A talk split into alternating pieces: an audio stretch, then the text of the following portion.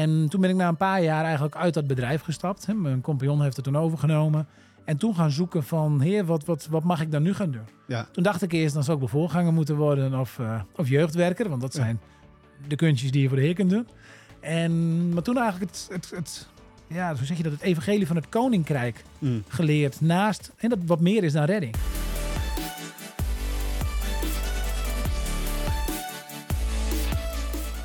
Welkom bij de In His Company podcast, de podcast voor christelijke ondernemers. Vandaag heb ik een hele leuke gast aan tafel zitten, Gerard van der Wal.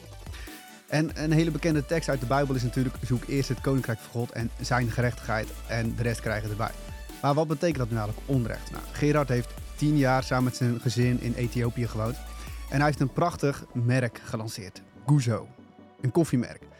En dat heeft alles te maken met het bestrijden van onrecht en armoede. We gaan het horen van Gerard van der Wal.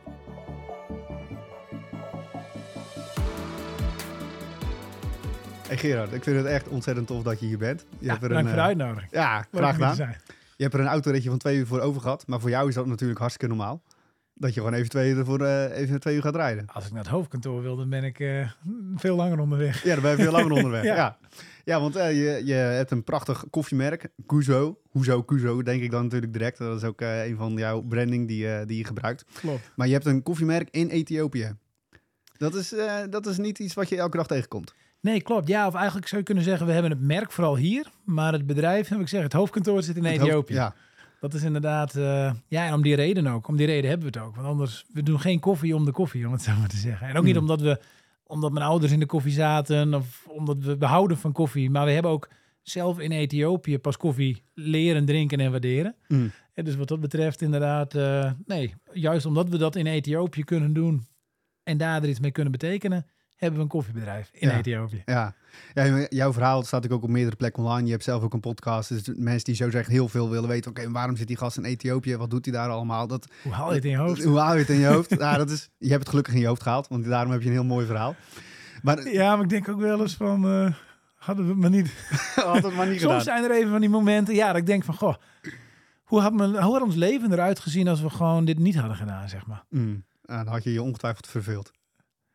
Ja, denk het wel. Ja. Het zijn ook maar korte momenten vaak, maar ze zijn er zo nu en dan wel. Ze zijn Ja, wel. eerlijk, eerlijk is eerlijk. ja, misschien goed om daar straks nog wel even bij stil te staan. Want je zegt, eh, wat mij direct eh triggert is van... joh, koffie, het gaat niet om de koffie. Het gaat om iets wat erachter zit. Klopt. Vertel.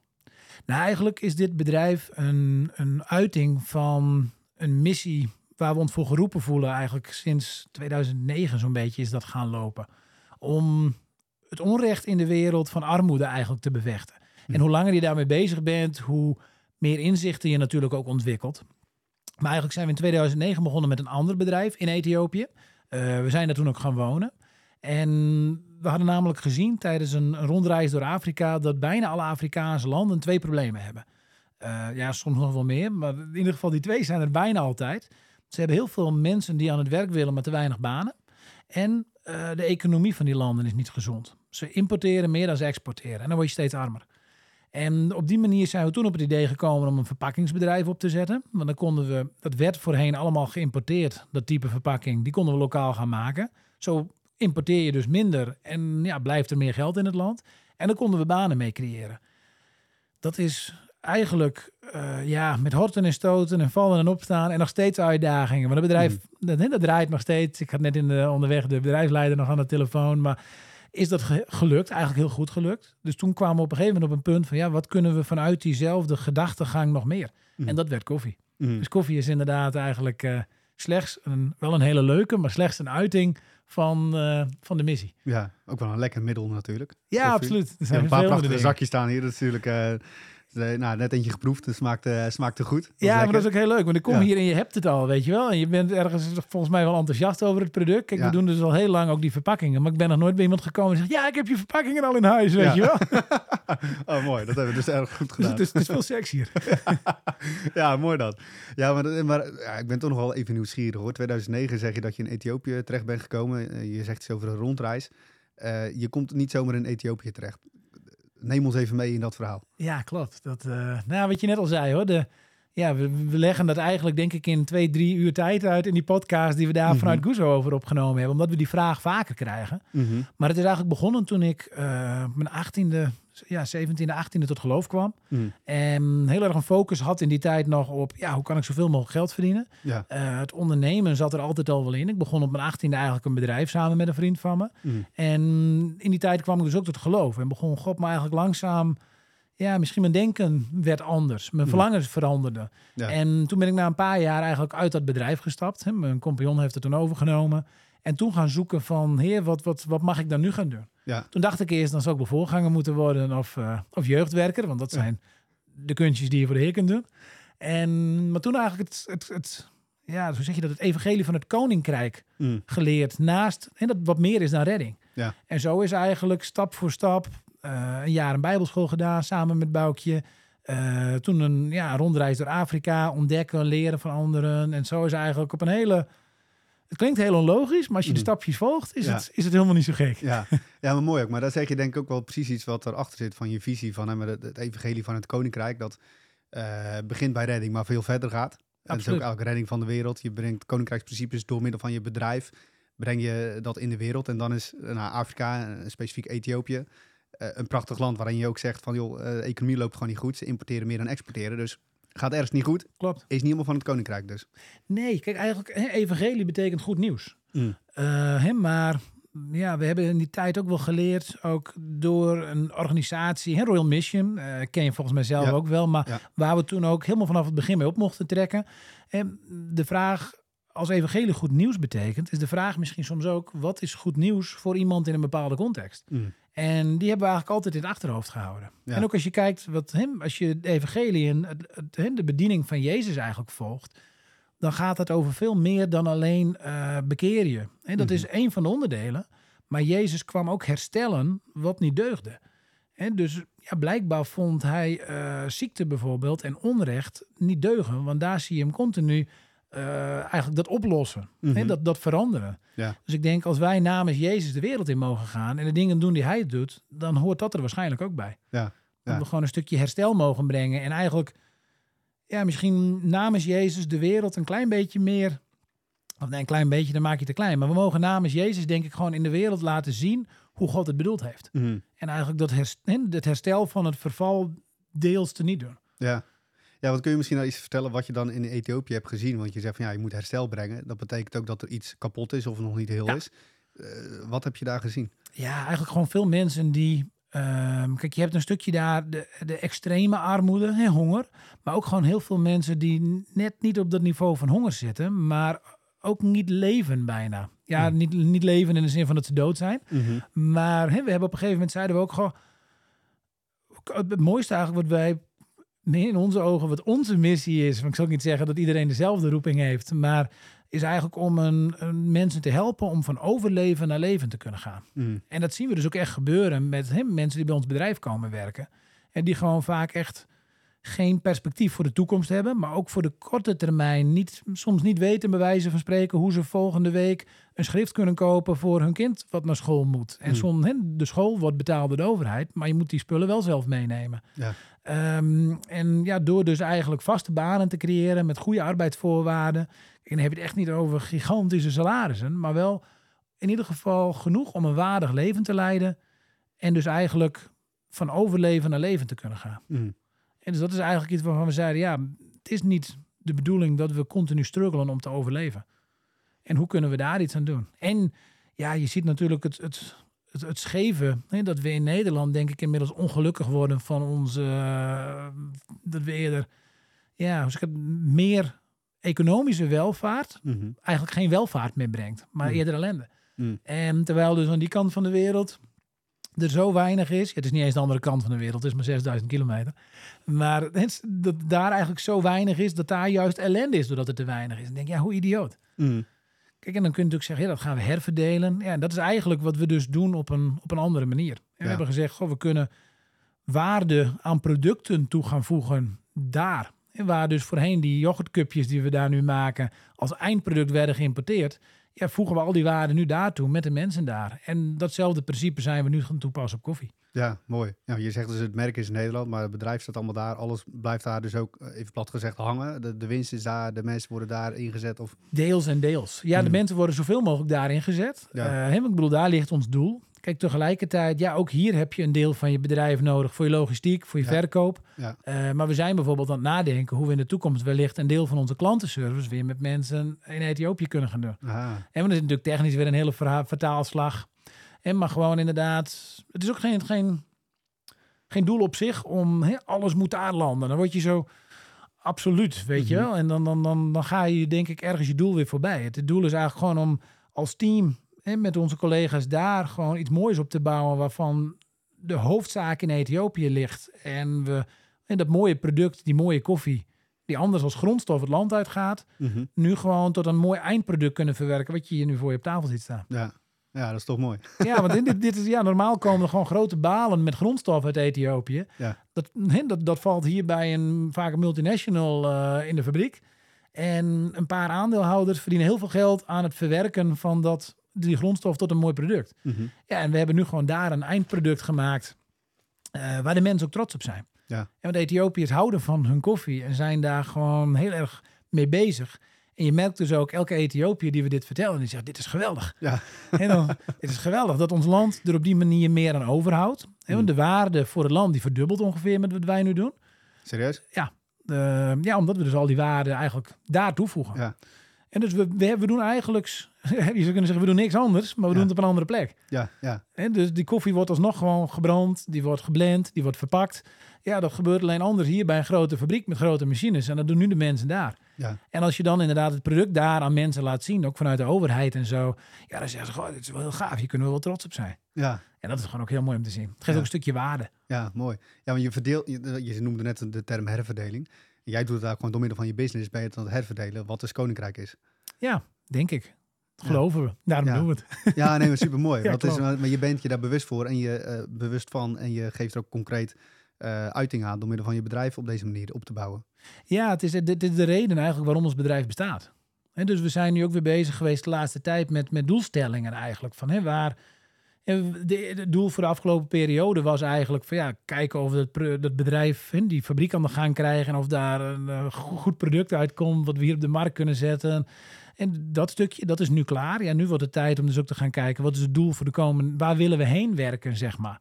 En dan merk ik ook dat we ons doel eigenlijk niet stellen in zoveel euro omzet of zoveel, ehm, zoveel kilo of zoveel marktaandeel. Maar we beginnen ons doel eigenlijk vanuit, ja, we zouden heel graag zoveel banen willen creëren. Mhm. Dus je hebt een, andere, een, een ander diepste doel. Ja. Ja, en dit, hè, dit is het middel. Ja. Natuurlijk moet die omzetten dan komen. Natuurlijk moet je gezonde cijfers draaien. Ja. Eh, maar het is niet waar het ten diepste om draait. Ja, maar hoe, hoe eh, het klinkt heel mooi, maar het is, je vertelt het heel makkelijk. Maar eh, dit is niet voor iedereen even logisch. Als je gewoon kijkt naar de cijfers, ga je, je gaat berekenen, je gaat risico's calculeren enzovoort. Klopt. Maar jij zegt van ja, maar ik wil gewoon zoveel banen creëren, want dat, dat, dat zorgt voor welvaart in het land. En Ja. Het is een heel, dit is een hele rare doelstelling als bedrijf. hoe, hoe, is, het gewoon, is het gewoon Dat vind ik eigenlijk weer niet hoor. Maar het is niet, norm, het is niet Ja, wat we meest zien. Precies, maar voor jou is het normaal. Maar is het gewoon omdat je Jezus hebt leren kennen dat je dacht van dit vind ik nu normaal? Of hoe, hoe werkt dat? Ja, ik denk het wel. Kijk, eigenlijk, ik had dus eigenlijk al lang afscheid genomen van het ondernemen. Wat ik net vertelde. Ehm, alleen uiteindelijk kom je er dan achter twee dingen van, ja, het is toch ook misschien hoe God me gemaakt heeft als ondernemer. Ehm, en tegelijkertijd, eh, oh, we kunnen dus met een onderneming ook hele mooie dingen bereiken eigenlijk. En maar dat betekent dus wel dat je eh, als het ware opnieuw als ondernemer opgebouwd bent. Hè? Waar ik vroeger dus gewoon echt gericht was op, oké, hoe haal je hier zoveel mogelijk winst uit? Wat op zich niet per se slecht hoeft te zijn, als het me niet ten koste gaat. En dat zie je natuurlijk tegenwoordig heel veel, dat het wel ten koste gaat van andere mensen, van de planeet. Van... En maar als het niet zo is, dan hoeft het niet erg te zijn. Maar we hebben nu dus eigenlijk gewoon op een ja, hele andere manier zijn we gaan kijken. Wat willen we bereiken? Mhm. Kijk, en ja, de rest is eigenlijk een middel tot. Mhm. En wat we ten diepste willen bereiken is gewoon veranderde levens. Mensen die niet meer overleven, maar gewoon een waardig leven kunnen leiden. Ja. Ja, Ja. en daar, eh, daaromheen, ja, en daar hoort vervolgens. Kijk, want inmiddels hebben we daar ook wel eh omzetdoelstellingen en dat soort dingen bij. Tuurlijk. Ja. Alleen dat, dat, dat komt pas in een veel later stadium. ja. Daar ligt de droom niet. Nee, nee. nee. En als je nou gewoon zo eh, kijkt, hè, mensen zijn er trots op ook in Ethiopië. Je, je merkt dat er mensenlevens worden veranderd. Eh, nou, het is goed voor het, eh, voor het land, de economie gaat erop vooruit. Maar ik kan me ook wel voorstellen, het is een, ja goed, je hebt er tien jaar gewoond. Dus je kent de cultuur, je kent de context. Maar ik kan me ook voorstellen dat je wel flinke uitdagingen tegenkomt. Ja, joh. Dat is, je bent even een seconde stil. Dan denk ik van, ja, je kent er genoeg. Waar zal ik beginnen? Dat ja, een beetje. ja, wat, wat, wil je, wat wil je erover delen? Ja, ik zit even te denken. Ja, heel veel uitdagingen. En nu nog hoor. Eh, op allemaal fronten, zeg maar. En als we kijken in de geschiedenis ja, de, van onszelf nu in Ethiopië, dat je gewoon op een gegeven moment, ik heb een paar keer een burn-out gehad. En dan heb je dus over wat we zelf door de jaren heen hebben gehad in on, voor ons privé. Wat natuurlijk ook zijn weerslag had op het bedrijf. Hmm. Maar ook eh, nu bijvoorbeeld, eh, we verhuizen zaterdag privé naar een garage. En nou ja, lang verhaal, maar bottom line, we krijgen geen hypotheek. Ehm, omdat de bank eigenlijk zei van, oké, ja, ja, inkomen, oh, dat is wel netjes. Daar kunnen we een hypotheek voor geven. Je bedrijfscijfers, die zijn ook netjes. Maar waarom staat er achter dat bedrijf PLC? Ja, dat is een private limited company. Dat zit in Ethiopië. Hmm. Ja, oh nee, dan, eh, nee, dan gaan we niks meer doen. Dus dan heb je geen hypotheek. Hè, dat soort dingen, zeg maar. Dus dat is heel praktisch. Ja, en in je bedrijf loop je ook tegen van alles aan. En want we, we zijn dus eigenlijk bezig met een systeemverandering in die koffie. En waar Ethiopië gewend is om groene koffiebonen te exporteren, exporteren we nu een eindproduct. Hmm. De overheid en de politiek roept al jaren: dit is wat er moet gebeuren. Dit is wat we moeten doen. Eh, nu doen we het. Maar dan kom je erachter dat eh, er op uitvoerend niveau nog niks voor georganiseerd is. En dus het heeft ons een jaar langer dan gepland gekost om een vergunning te krijgen voordat we de markt op konden. Hmm. En dat had te maken met de meest knullige, onbenullige dingen. In, zeg maar een jaar, de fabriek was klaar. Toen zeiden we, nou, kom maar op met die vergunning, dan gaan we, dan gaan we los. En dan heeft er dus echt nog een jaar heeft die fabriek stilgestaan, omdat we dus de papieren niet hadden. En dat ging om de meest onnozele dingen. Als en dat- heel goed op zich dat er vanuit de overheid een controle is op kwaliteit. Mhm. Want koffie is heilig in Ethiopië. Dus dat wordt echt, eh, dat- daar kom je niet zomaar in en dan kom je niet zomaar aan. Maar dan komt er iemand die zegt, ja, mag ik dan ook jullie zakken zien? Hè? Van een Mhm. soort eh, voedsel- en warenautoriteit Ja. daar. Eh, ja, natuurlijk, dit zijn onze zakken. Hè, die, hebben een goede barrière, die houden het product vers, een goed ventiel op. Ja, ja, goede zak. En die tekst, wat is dat dan? Ja, dat, daar leggen we uit wat anders is aan onze koffie dan aan de meeste koffies. Oh ja, maar ik, kan, ik snap hem niet. Wat voor taal is het? Dit is Nederlands. Nou, die kijkt in zijn boekje. Ja, zegt hij. Ja, in de regelgeving staat dat mag of in een Ethiopische taal of in het Engels, maar dat mag niet in het Nederlands. Oh. Ja, dus weer tegengehouden. dus die zegt eigenlijk ook, ik snap je. Als je het op een Nederlandse markt brengt, is dit logisch. Maar het mag niet. Maar het is wel gelukt. Dit is Het Nederland. is uiteindelijk wel gelukt. We zijn Ja. wel weer een paar maanden verder voordat Nee, je dus op papier hebt dat het mag. Ja. En ja, zo loop je gewoon, omdat je dus het systeem eigenlijk anders ja, benadert, eigenlijk anders Ja. inricht, het systeem verandert. Ja, loop je gewoon weer ook tegen allemaal praktische dingen aan. Maar even serieus. Je hebt er pri- privé heb je er last van, maar heb je het er ook ergens voor over? Eh, en Ja. zakelijk heb je een aantal uitdagingen. D- Ja, ik ben toch wel even benieuwd. Wat, eh, wat doet dat? Dat, dat lijkt me echt bizar. Ja, dat geeft een. eh, kijk, we doen het, Boukje, mijn vrouw en ik doen dit samen. En ja, het geeft een, een heel spannend leven. dat, dat zeg je mooi.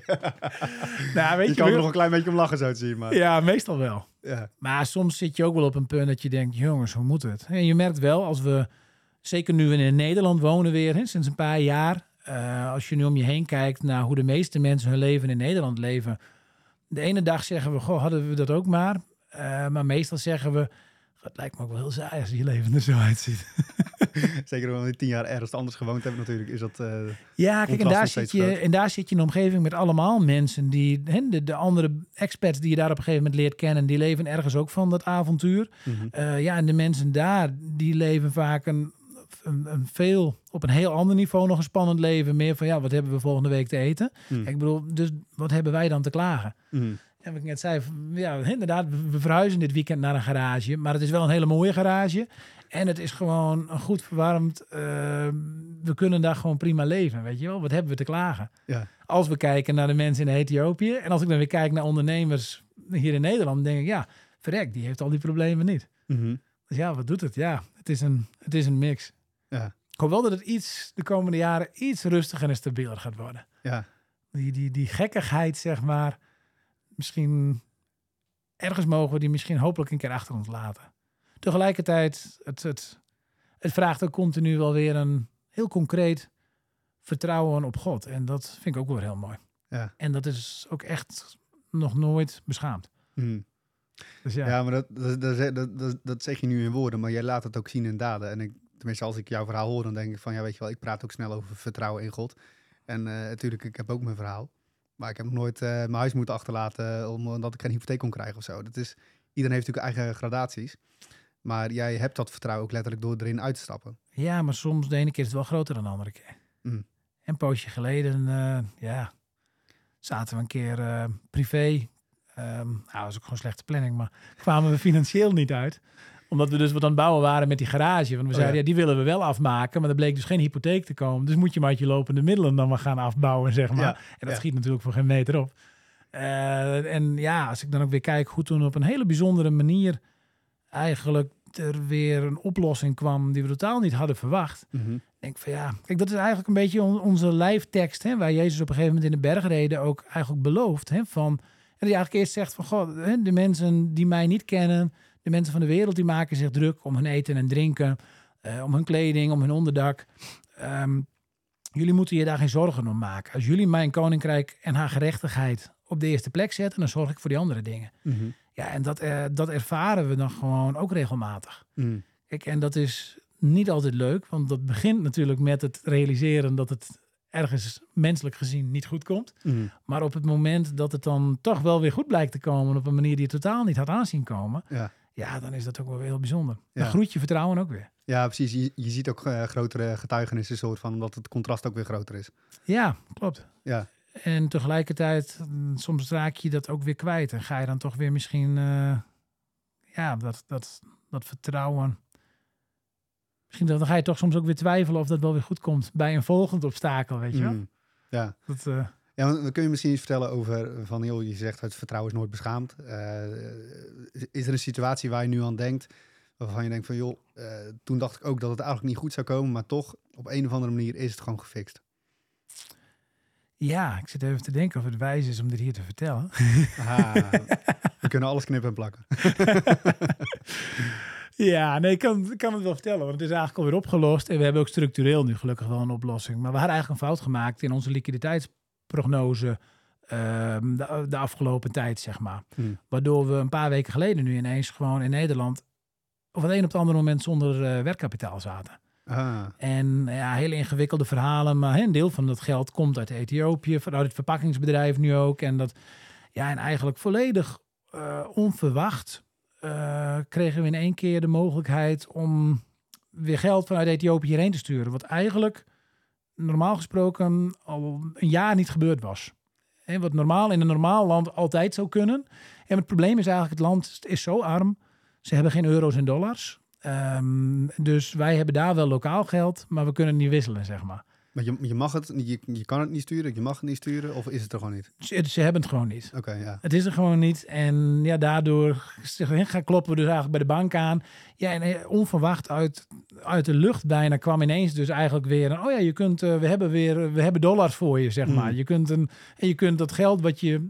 Volgens mij hadden we dit drie jaar geleden gevraagd bij de bank. Mhm. Van we willen dit geld graag naar Nederland sturen. Nou ja, dat komt dan nu precies. En nu kwam dat op het moment dus echt toen, ja, net door een fout van ons. Ik bedoel, eh, dat wordt opgesteld, eh, de liquiditeit eh, in één keer volledig weg was. Ja. Ja, dat is dan ook weer dat je denkt, oh, ja, dat kan ook geen toeval zijn. Nee. Kijk, tegelijkertijd heeft dit gelukkig, en daarom, ik zat even te twijfelen, is dit slim om te Ja, ja, vertellen? ja.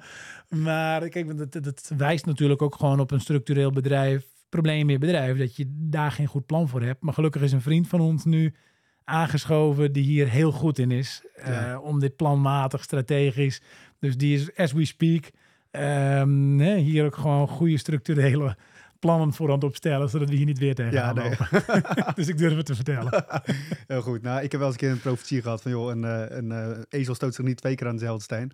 Nee, dus ik had dat twee keer gedaan, maar jij, jij, jij fixt na één keer al. Dat is Oh nee, hoor, we hebben het ook al veel vaker gedaan door de jaren heen. Dit, nee, dit is, maar, maar dit is wel een ja, een leuk concreet voorbeeld. Waar, ja, ergens... Ik zie daar een stukje voorziening in. En ook gewoon een stukje Gods genade. Van ja, natuurlijk had je het probleem zelf op moeten lossen. Maar ja, weet je, zo kan ik het ook weer voor jou oplossen. Ja. Of tenminste, ja, zo kan ik je ook helpen om weer verder te kunnen, zeg maar. Ja. Kijk, en dan geloof ik niet dat het goed is om te zeggen, ja, maar dus we gaan lekker op die, op die voet voort en eh, weet je wel, volgende keer wordt het wel weer opgelost. Nee, we mogen Mhm. daar ook van leren en het bedrijf daarmee wijzer inrichten. En wat ik Ja. zeg, we hebben nu gelukkig iemand erbij gekregen die ons kan helpen om dit te voorkomen. Ja, Daarmee kunnen we ons bedrijf ook als Guzo straks weer naar een next level gaan groeien. Want we, Ja. we willen wel gewoon, eh, dit, dit moet geen klein bedrijfje blijven eigenlijk. nee, nee, natuurlijk niet. Nee, maar Maar dan heb je ook goede plannen nodig en mensen die dat ook helpen bewaken. Ja, tuurlijk. Maar als eerste, kijk, als ik dit vanaf de buitenkant bekijk, dan denk ik van, nou, weet je, je hebt het al gewoon voor elkaar gekregen om koffie eh, eh, daar te regelen en naar Nederland te sturen. Er zijn heel veel mensen die dat ook niet kunnen zeggen. Niet om te Nee, vergelijken, maar je hebt ook heel veel dingen natuurlijk gewoon wel gepresteerd. En je hebt een goed verhaal. Je hebt lekkere koffie. Eh, je strijdt tegen, tegen onrecht, heel Veel bewust. mensen, ze vinden hem gelukkig over het algemeen niet duur in de markt. Oké, nou, dat is ook nog een ook bijkomend voordeel. Speciaal voor Nederlanders. Ja. goed geregeld. Zeker. Maar het is wel, ja, je, eh, ehm, maar is het, ja, tenminste, ik heb al een aantal mensen hier gehad en ik merk dat iedere ondernemer die hier ook zit ook ergens een bepaalde pijn heeft. Eh, maar ik ben gewoon benieuwd, hoe kijk jij er tegenaan? Is het normaal dat we echt er iets voor over moeten hebben om Gods koninkrijk recht te zetten? Of ehm, zou het ook helemaal niet normaal moeten zijn? Ja, goede vraag. Je bedoelt dat we er offers voor moeten brengen? Mhm. Ja, ik denk eigenlijk dat het onoverkomelijk is. Jezus noemde natuurlijk op een paar plekken in de Bijbel eigenlijk al... ehm, hij noemt hij Satan de heerser van deze wereld. Mhm. En waarmee het in mijn optiek duidelijk is dat ehm, Satan heerst over de wereld. Dat zegt hij. Ja. en ja, dat er dus de wereld niet in lijn is met hoe God hem wil. Maar wij zijn wel onderdeel van deze wereld. Mhm. En dus daarmee bind je eigenlijk, denk ik, toch een soort van ja, geestelijke strijd aan met de realiteit van de wereld. Ja. En ja, zonder strijd geen overwinning. Ja. Eh, dus zullen daar ook offers bij horen. Ja. Tegelijkertijd denk ik ook, het, ja, het helpt je soms ook weer om je vertrouwen te laten groeien. En, en ik geloof enerzijds dat God ons als een goede vader met heel veel dingen wil zegenen. Ehm, en zo kijk ik ook naar mijn eigen kinderen. Het liefst geef ik ze alles waar ze om vragen. Ja. Maar ik weet dat het er geen betere mensen van worden. Hmm. Dus doen we het vaak niet. Hmm. En ik geloof dat het zo ook is met God. En ik denk door dit soort dingen heen groeien we ook weer in karakter. Waardoor je eigenlijk ook misschien God je ook weer meer dingen kan gaan toevertrouwen. Ik denk dat dat eigenlijk ja, is waarom het er misschien wel bij hoort. Ja. En er, er moet soms misschien ook wel weer een stukje van mijn eigen trots slijten. Mhm. Eh, kijk, eh, ja, ik heb ergens geloof voor dat er straks ergens uit een onverwachte hoek een oplossing ook komt voor ons huis. Mhm. Eh, ja, dan zal ik waarschijnlijk niet kunnen zeggen, kijk eens hoe goed ik dat gefixt heb. Mhm. ja, ja, Weet je? En Ja. ik denk dat dat ook de essentie een beetje is. Het draait nooit om ons. Het draait Hm. niet om Maurice en Gerard.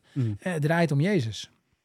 En God wil, ja, God heeft het bijzondere plan opgevat om zijn koninkrijk door mensen heen te bouwen. Eh, ik snap dat niet. Je had het anders gedaan. ik denk dat er een kortere route was geweest, maar hij, hij heeft er wel een plan mee. Ja. Kijk, ik denk als we dat, dat voor ogen houden, ja, wat, wat, wat. En als je naar het grote plaatje kijkt, ja, hoe groot zijn die offers dan eigenlijk? Ik bedoel, we hebben ons nog nooit zorgen hoeven maken over de echte belangrijke dingen. En er is altijd in voorzien. We hebben ook een paar jaar van giftig geleefd, was er ook altijd genoeg. Ja. Ja, Ja. dan denk ik, wat, wat, wat, dan mogen we eigenlijk niet eens echt spreken van offers. Ja, Ja. Stelt, stelt eigenlijk niks voor. We ja, hebben het hartstikke goed. ja. Nou, mooi. Ja, maar dan is het ook wel fijn dat er in de Bijbel staat, eh, die gelijkenis die Jezus vertelt over de talenten, dat hij dan zegt, joh, over weinig ben je trouw geweest, over veel zal ik je aanstellen. Ja, daar geloof ik heel erg in. Dat, dat Ja. hele principe eigenlijk van de gunst van God. Ja. En we zijn in Nederland heel erg gewend om te zeggen, ja, het is, het is- in de christelijke wereld, het is allemaal genade. Weet je, je hebt, je, er is niks te verdienen. Dat is Ja. niet waar. Je, je, je redding en jouw, het herstel van de relatie tussen jou en God, dat kun je niet verdienen. Dat is Mhm. iets wat, wat Jezus gedaan heeft, daar kun je alleen maar dankjewel voor zeggen. Ja. Maar vervolgens denk ik wel, ja, er is wel degelijk zoiets als het verdienen van het vertrouwen en de gunst van God, waarmee God je steeds meer toe kan vertrouwen. Nou ja, amen, je wordt beloond naar je werken. Dus blijkbaar is daar een, eh, het klinkt heel gek, misschien een bepaald maar wat verdienmodel. ja, Ja. nee, maar daar gaat het met een liefde ook helemaal niet om. Maar ik Nee. vind het wel heel mooi ook. Ja, ik geloof dat we dat ergens ook zien in ons leven. En dat we min of meer ook, ik bedoel, we, maken, ook- we hebben ook genoeg fouten gemaakt. En ik maak fouten in mijn leven en al in, in mijn professionele werk. Maar eh, ergens, denk ik, hebben we het een soort van, zijn we een soort van betrouwbaar geweest, ook met dat verpakkingsbedrijf. Hè, Waar Mhm. we in tien jaar tijd ongeveer 70 banen hebben kunnen creëren. En wat in de meeste opzichten gewoon goed en gezond in elkaar steekt. Mhm. En ja, we hebben nu de overtuiging om voor de komende tien jaar voor 800 banen te gaan eigenlijk. Wauw. Eh, of eigenlijk zijn het er inmiddels 80 geworden. En we hebben nu... Dus wel keer tien. Ja, nou op een gegeven moment, kijk dan, wat ik wat ik net zei, we hebben nu een product. Eh, we hebben nu een beetje met Guzo bewezen dat het kan. Ik bedoel, we kunnen daar dus een heel goed product maken, wat voor een marktconforme prijs heel veel impact kan hebben. eh, doordat we het op een andere manier doen. Hè? Dus de, de, de, de proof of concept is er, zeg maar. Mhm. Ja, dan kom je natuurlijk op de vraag, wat is je doel? Ja. Ook al zei, die stellen we niet per se in de zin van eh, zoveel omzet of hè, dat soort zaken. Want dat vind ik eigenlijk helemaal niet boeiend. Maar toen zeiden we, daar zijn we over na gaan denken. En op een gegeven moment kregen we de overtuiging van, in de eerste tien jaar waren het er 70. Nu hebben we twee jaar nog wat, wat aan zitten knoeien en knu- knutselen om dit op gang te brengen. En nu zijn we met ongeveer 80 mensen in het bedrijf. Mhm. Is het doel dan voor de komende tien jaar om dat kunstje te herhalen en binnen Guzo ook weer 80 banen te creëren? Mhm. Ja, dat, heb ik, dat, vind ik, dat vind ik geen uitdaging. Dat heb je al gedaan. Nou ja, nou, dat hebben we gedaan. Dat, dat hebben we mogen doen. nee, dat, Ja, nee, tuurlijk. Maar, nee, ja. nee, dat, ah, dat klinkt Ja. zo bah. Maar ja, nee, maar ik dat, dat, dat, dat, we hebben gezien dat dat kan. Ja. Eh, daar heb ik bijna geen geloof meer voor nodig. Ja. Dus op een gegeven moment kwam het idee van... ja, dan moeten er nu misschien gewoon tien keer zoveel geworden. En dan, en dan is het wel weer een doel dat ik denk van... oeh, hoe gaan we dat voor elkaar krijgen? Ja, maar dat is ook wel, wel mijn vraag. Wat, wat je erover wil delen natuurlijk. Van eh, keer 10 is natuurlijk sowieso mooi, maar inderdaad 80 of 800. Eh, dat, het, het is natuurlijk een mega impact als je 800 mensen gewoon eh, van werk kan voorzien. Ja, en het, land, het geld wat daarmee in het land meer achterblijft. Dat zeg maar. Ja, ja. Dat, eh, ja, dus daar gaan we voor. Ik weet nog niet, misschien dat die 800 inclusief een, een team dus ook in Nederland is, wat enigszins zal moeten groeien. Ja, dat, ja. Dat, die details die gaan we zien. Misschien Ja. gaat daar in de toekomst, oh, de komende tien jaar ook nog wel een bedrijf weer naast komen met vanuit dezelfde missie. Mhm. Maar die 800 banen eh, over tien jaar, dat, dat hebben we wel steeds duidelijker. Zeg ja, dat, eh, dat wordt het doel. ja, en dat, Daar gaan we voor. dat is vanuit, vanuit het product koffie of gaat dat breder? Of dat... Ja, weet ik nog niet. Dat is nog Hmm. niet per se, maar wel. kijk, daarin ook. Dat is uiteindelijk niet waar het om gaat. Maar voor Mhm. nu is de focus dat wel. Dus ik ben wel bezig om dat terug te gaan rekenen. Ja. 800 banen. Hoe, hoe, ziet, hoe verdeel je die dan? Met de kennis die we nu al een beetje te opbouwen zijn in die fabriek, kunnen we daar al een educated guess van doen. Mhm. Hoeveel koffie produceer je dan? En ja, dus met die 800 mensen, hoeveel koffie we dan dus produceren en hier naar Nederland sturen. Ja, dat is blijkbaar ook wat er verkocht moet worden. Ja. En daar komt vanzelf iets uit voort van een marktaandeel. Ja. Ik schat inmiddels dat hij dan... Ja, ik zeg, we zijn er continu... Hè, het is nu nog te grootte van een bierviltje. En die Mhm. berekening wordt steeds wat, wat gedegener misschien. Maar ja, dan zullen we misschien toch wel een, eh, een, een, een- meer dan 10% van de Nederlandse markt moeten doen. En dan, dan doe je wel mee. Ja, Dus dat is wel, dat Ja, is wel een groot doel eigenlijk. ja, ja, maar- maar ik hoorde net ook dat het makkelijk is om Engelstalige tekst op eh, de verpakking te zetten. Dus als je de Engelse markt op gaat. Ja, zou kunnen. Maar tegelijkertijd denk ik dat we dat nog niet hoeven te doen. Mhm. En we richten ons helemaal op de, voor nu. Vaak, we zijn natuurlijk een merk. eh, maar goed, dan, ja, die kun je op heel veel plekken weg gaan zetten. Dus we hebben gezegd, voor de komende periode, het komende half jaar, jaar, ligt onze focus helemaal op coffee at work. Mhm. Want we zien gewoon dat we bij een bedrijf of een organisatie net even uit kunnen leggen wat wij anders doen dan de rest. Wat is, hè, het is totaal anders dan Fairtrade, maar je ligt al zelf in- snel in, het ga- in hetzelfde mandje als je het in de supermarkt zet. Ja, ja, ja. En dus we hebben gezegd, we richten ons op coffee at work. Ehm, ja, 10%. Als we dus kijken naar de prijs en kwaliteit, nog los van het verhaal en de aanpak, en wat op zo'n bedrijf wat onze koffie schenkt ook weer afstraalt. Mhm. En we, we helpen die bedrijven ook om daar ook een stukje communicatie te doen, waarmee ook zichtbaar wordt dat zij een andere keuze maken. Ja. Ja, de meesten hoeven amper een offer te brengen, want het is dus eigenlijk vaak niet eens duurder dan wat ze nu hebben. Ja. Dus hebben we ook al gezegd, ja dan, dan moet het toch ook mogelijk zijn om in ieder geval 10% te overtuigen en mee te krijgen hierin. Ja. Als Ja. het, ja, waarom niet? Ja, dat is een mooie ambitie. En zeker ook natuurlijk omdat je bedrijven hebt die de- de- ook dit gelukkig steeds meer belangrijk vinden. Absoluut. Eh, maar je zegt ook van, eh, het, is, het is niet eens duurder. Maar hoe, hoe krijg je dat voor elkaar? Want inderdaad, wat je zegt, fair trade, dan is het heel vaak zo van, ja, eh, jij moet wat meer betalen zodat wij het, eh, het Ja, land eh, weer wat meer kunnen betalen. Maar je hebt het voor elkaar gekregen dat het niet eens duurder is. Hoe, hoe werkt dat? Ja, het ligt natuurlijk aan waar je het mee vergelijkt. Hè? Als je nu gewend bent om naar de supermarkt te rijden en je uren niet te rekenen en de allergoedkoopste koffie in je, la- in je mandje te gooien, ja, dan zijn we duurder. Ja, maar is het ook niet lekker. Nee, dan, dan smaakt het anders. ja, ja dat, dat zeg je goed. Ja, nou, maar dan heb je gewoon een andere kwaliteit. Ja. Je kunt, hè, smaak kun je niet over twisten, kwaliteit wel. Mm. En kijk, eh, we merken nu gewoon dat we bij heel veel bedrijven ehm, binnenkomen met het verhaal. Vervolgens zeggen ze, oh, die prijs, dat is eigenlijk best wel ongeveer wat we nu betalen. Een paar klanten bleken eh, per kilo koffie net iets minder te betalen, een eurotje minder. Bij de ander wordt het eh, een 2 euro of een euro meer. Maar het zijn in een bedrijf je kosten ook niet eigenlijk. Mhm. En vervolgens zeggen ze, ja, want ik vind het gewoon gaaf hoe jullie dit aanpakken. En hier willen we als bedrijf wel mee gezien worden. Hier willen wij wel bij horen. En help ons ook maar om dit... Om, hang een poster naast de machine bij wijze van. Daar hebben we nu dus ook mooie ontwerpen voor. Want Boukje heeft gelukkig beter ideeën dan een poster. en nee, doe dit maar. En ja, vervolgens valt de prijs dan ook wel mee. En hoe kan dat? Doordat we het niet zeggen het moet duurder. Maar doordat we eigenlijk zeggen we, we verdelen diezelfde waarde anders. Mhm. De meeste bedrijven die nu koffie op het werk leveren, kopen hun koffie in bij een, nou ja, het maakt niet uit, maar bij een grote multinational. Ja, Ja. dat is trouwens, dat, een van die grote partijen is een UCC. Maar Mm. een beetje ook bij naam noemen, toch? Dan mag je, mag je, hier mag dat, ja hoor. is een, eh, het is gewoon een heel grote branderij in Bolsward, Friesland. En het schijnt dat vroeger werkte heel Bolsward in de omgeving bij die branderij. Tegenwoordig werken er nog maar heel weinig mensen. Het zijn alleen een paar grote machines. Mhm. Maar daar wordt wel van wat jij op het werk betaalt aan jouw koffieleverancier. Hè, die vraagt dus bij in Bolsward, jongens, willen jullie mijn koffie branden en plak mijn sticker daarop? En dat is Mhm. hoe dat vaak werkt. En dan heb je een eigen merk. Eh, maar daar wordt heel veel geld verdiend. Ja, en dat geld laten wij verdienen in Ethiopië. Mhm. En we hebben natuurlijk een hele korte keten. Ja. Ik eh, ben vandaag nog weer bij een klant van ons, hè, waar wij dus de koffie leveren. En dan ga ik je na straks heen. En daar lever ik, kom ik de koffie nu toevallig ook even afleveren. Maar dan installeren wij ook als bedrijf een machine. Eh daar helpen we bij de service. Mhm. En mijn directe collega's Robel en Tesfaye in Ethiopië, die waren vorige week nog eh, bij de koffieplantage en bij de coöperaties. Mhm. Dus we hebben ook gewoon een hele korte keten. Ja, Dus dat helpt natuurlijk ook om die kosten laag te houden. ja. En we zijn eigenlijk één bedrijf wat inkoopt bij de koffiecoöperatie, bij de boeren. Eh, en datzelfde bedrijf komt zeg maar de koffie op je werk brengen. Ja, ja. daarmee snij je natuurlijk ook heel veel, ja, in onze ogen minder belangrijke schakels snij je weg. Ja, en je hebt natuurlijk ook direct contact met de boeren. Wat tenminste, ja, je hebt meer kennis van de, van de markt dan ik. Maar Klopt. daar hoor ik dat het heel vaak misgaat.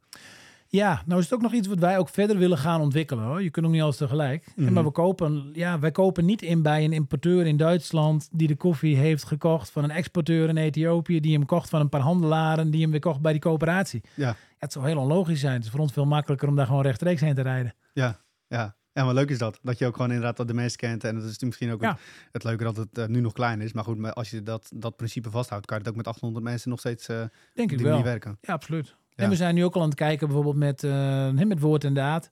Mm. Ehm, zijn we in gesprek van, goh, wat kunnen we ook gaan doen samen om ook gewoon die mensen verder te helpen. Mm. We moeten ons ook realiseren, eigenlijk zijn wij maar een afnemer van die coöperatie. Mhm. We hopen een langdurige relatie te bouwen. We willen een nette prijs betalen. En dat, heb, dat hebben we nu ook al gedaan als we vergelijken met de markt. Maar ja, er is meer te doen. Maar dan moet je ook weer kijken, waar ligt je kracht? Mhm. Dat Ja. misschien weer niet waar wij zelf goed in zijn, maar waar we wel weer iemand anders wellicht mee kunnen samenwerken. Ja, precies. Je moet ook een bepaalde focus houden natuurlijk. Ja, maar, maar eh, je biedt dus eigenlijk ook gewoon een totaalpakket aan. Dus er is een stukje service zit erbij, zeg je. Machines, eh, sluit je aan. eh, je, je regelt heel de koffie. Klopt. Ehm, maar kun je misschien nog wat, wat vertellen over... Van, hey, je noemde net twee namen van, van collega's in Ethiopië. Eh, wat het gewoon doet dat zo'n gast bij jou is komen werken. Hoe bedoel je? En wat, wat, wat gebeurt er? Want het is, het, is een, het, is een, eh, het is een land die eh, nog verder mag ontwikkelen. Maar jij biedt ze een kans om eh, bij je te komen werken, door dat bedrijf ook eh, te runnen. Ja. En ze komen bij je werken en eerst hebben ze misschien geen werk, of hebben ze wel werk. Wat is de situatie als ze bij jou terechtkomen? Ja, dat varieert heel erg. Robel bijvoorbeeld, hè, die heeft nu de eindverantwoordelijkheid voor de hele fabriek. En, maar dat heeft hij ook door de jaren heen zeg maar, verdiend. En Hmm. Robel is ooit begonnen als ongewenst kind van een tienermoeder eigenlijk. Als je Hmm. helemaal teruggaat naar zijn begin. En is op een gegeven moment in Compassion, ik denk dat je Compassion Mhm. wel kent, hè, van Ja. de kindsponsorprogramma's, is in dat- zo'n programma terechtgekomen. En heeft eigenlijk elke keer zijn kans gegrepen en is zijn best gaan doen.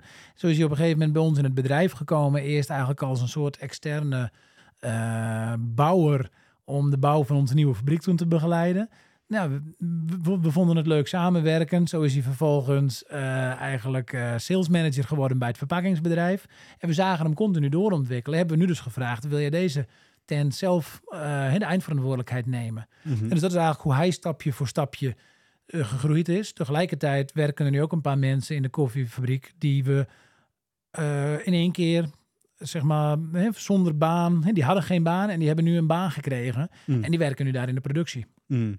En dus dat zijn eigenlijk hele verschillende routes. Maar je ziet wel op het moment dat we bijvoorbeeld een, een vacature hebben eh, voor, ik noem maar een, een bepaalde baan waar je geen hele specifieke opleiding voor nodig hebt. Ja, zonder moeite krijg je tientallen, soms meer dan honderd reacties. En Mhm. dus je merkt aan alle kanten, er is gewoon heel veel vraag naar werk. Ja. En, ook zeker mensen in de lager betaalde, min- in lager geschoolde werk, zoals bijvoorbeeld, we hebben eh, ook mensen in de, in de twee tuinmannen eh, aan het werk. We hebben een flink terrein daar, dat willen we ook netjes houden. Ja. Ik weet nog dat een van de twee begon. hè, toen woonden wij daar nog, dus ik zag hem vanaf dag één eigenlijk. En dus die was aangenomen, die had vanaf dat moment een vast inkomen. En hij kwam eerst gewoon letterlijk met gaten in zijn kleren op het werk. Mm. En deed hij zijn bedrijfskleren aan, dus toen zag je hetzelfde uit als de rest. Ja. En maar je zag ook na een paar maanden en dat hij 's ochtends aankwam lopen. En er zaten geen gaten meer in zijn kleren. Oh ja. En had een mobiel telefoontje. Ja. Ehm, op een gegeven moment, dat vond ik heel mooi. Want ik bedenk me nu dat het was bij hem. Hè, we regelen vanuit het bedrijf voor alles voor de mens. Zoals bijvoorbeeld ook ziektekostenverzekering. Mhm. En dat heeft eigenlijk niemand daar. Eh nou, dan moet ik zeggen, we hebben het ook niet per se verzekerd, maar we betalen het als bedrijf. Mhm. Eh, ja, als een van jouw gezinsleden ziek wordt, dan heb je een gigantisch probleem. Want mm, bijna niemand heeft de financiële buffer om dan die zorg te betalen.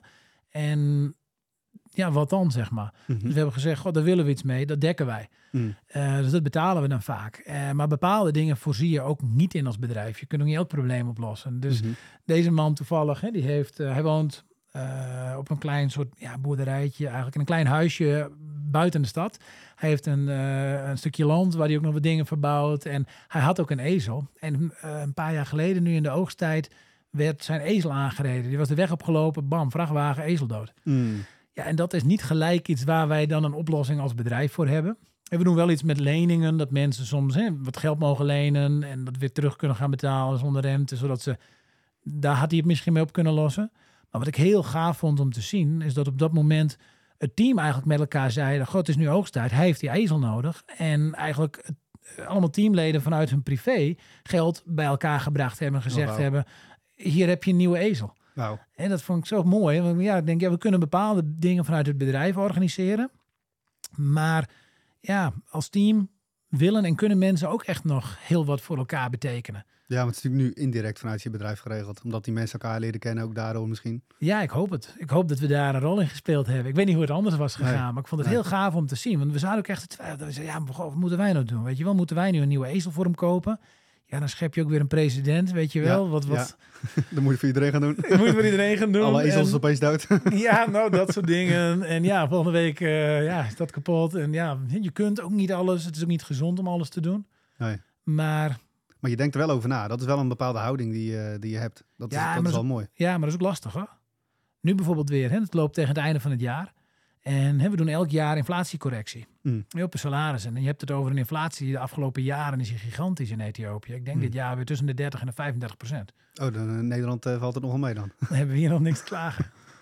Maar dat vind ik heel lastig, want wat, we hebben tot, tot vorig jaar altijd de volledige inflatie gecorrigeerd. Ehm, en ja, dat, ja, dat, anders gaan mensen dus achteruit in levensstandaard. Mhm. Maar waar we vorig jaar voor het eerst hebben we een paar procent minder dan alles gedaan. Omdat eigenlijk ons managementteam daar, hè, de leidinggevenden, ook zeiden van ja, we gaan te ver uit de pas lopen. Mm. Eh, onze tuinman verdient waarschijnlijk nu al het dubbele van wat de meeste tuinmannen verdienen. Mm. Die anderen zijn dus ook echt achteruit gegaan in levensstandaard de afgelopen jaren. Omdat je, ja, Omdat het leven zoveel duurder werd. ja. Ja, dat hebben wij kunnen voorkomen. Maar het moet ook geen ontwrichting worden. ja, want dan wil je eigenlijk ten opzichte van de rest van de maatschappij daar, eh, dan, dan klopt het niet meer.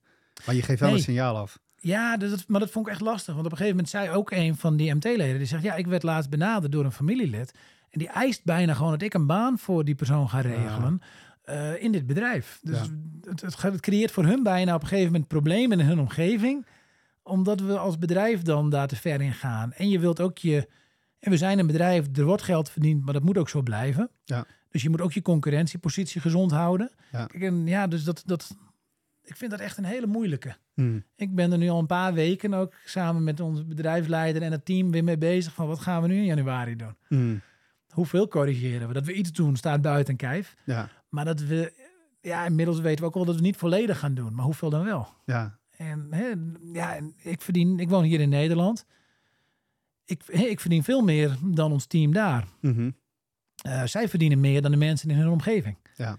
ik verdien denk ik minder dan de meeste mensen eh, in mijn positie in Nederland. Ja. Vind ik helemaal prima hoor. Maar ik bedoel, dan zit ik, Ja, ja, ja. denk, verdien ik dan eigenlijk nog te veel? Ja, Dat vind ik een heel moeilijk vraagstuk. ja, ja. Het is continu een soort, ja, hoe zeg je dat? Een, een, ja, spanning is een te groot woord. Hoor. Want Ja, je voelt hem wel ergens. Je wil goed doen, je wil ook daarin recht doen. Ja, je wilt alleen- daarin recht doen. Maar wat is recht? Wat is recht? Want, Wanneer is het goed? eh, Precies, want je hebt ook mensen eromheen. Dus Klopt. kijk op microniveau, macroniveau, dat zijn wel... eh, ja. Ja, en kijk, dat is het lastige, denk ik.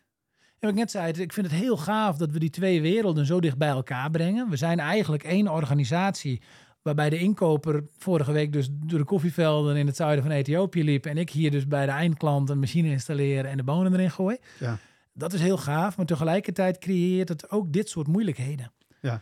Kijk, als jij gewoon een branderij in Nederland hebt en je koopt je koffie bij een handelaar en die heeft er een certificaatje op geplakt, eh, UTZ of Fairtrade, die zegt, ja, dus het is goed. Precies, ja, veel succes. Ja, dan, ja, maar dan denk je, oh, dat zal wel goed zijn. Dan, dan heb je dit soort vraagstukken vaak niet. Nee, Dus Nee. het, het, is, het is mooi, maar ook lastig. nou, je durft ook wel voor een moeilijke weg te kiezen. Ja, we hebben het gedaan. er is Maar- geen weg terug. Maar een hele Nederlandse vraag. eh, overheid, Daar of hier? daar. Daar. Ja. Hoe bedoel je? Ja, ik bedoel, dit is ook, eh, ergens is het ook een probleem voor hun. Maar dat is iets hoe wij dat in Nederland zien. Van oké, dus inflatie, wat doet de overheid eraan? Ja, dat is daar niet een probleem waar de overheid, denk ik, op dit moment echt bij macht is om er heel veel aan te doen. Mm, Het is echt de.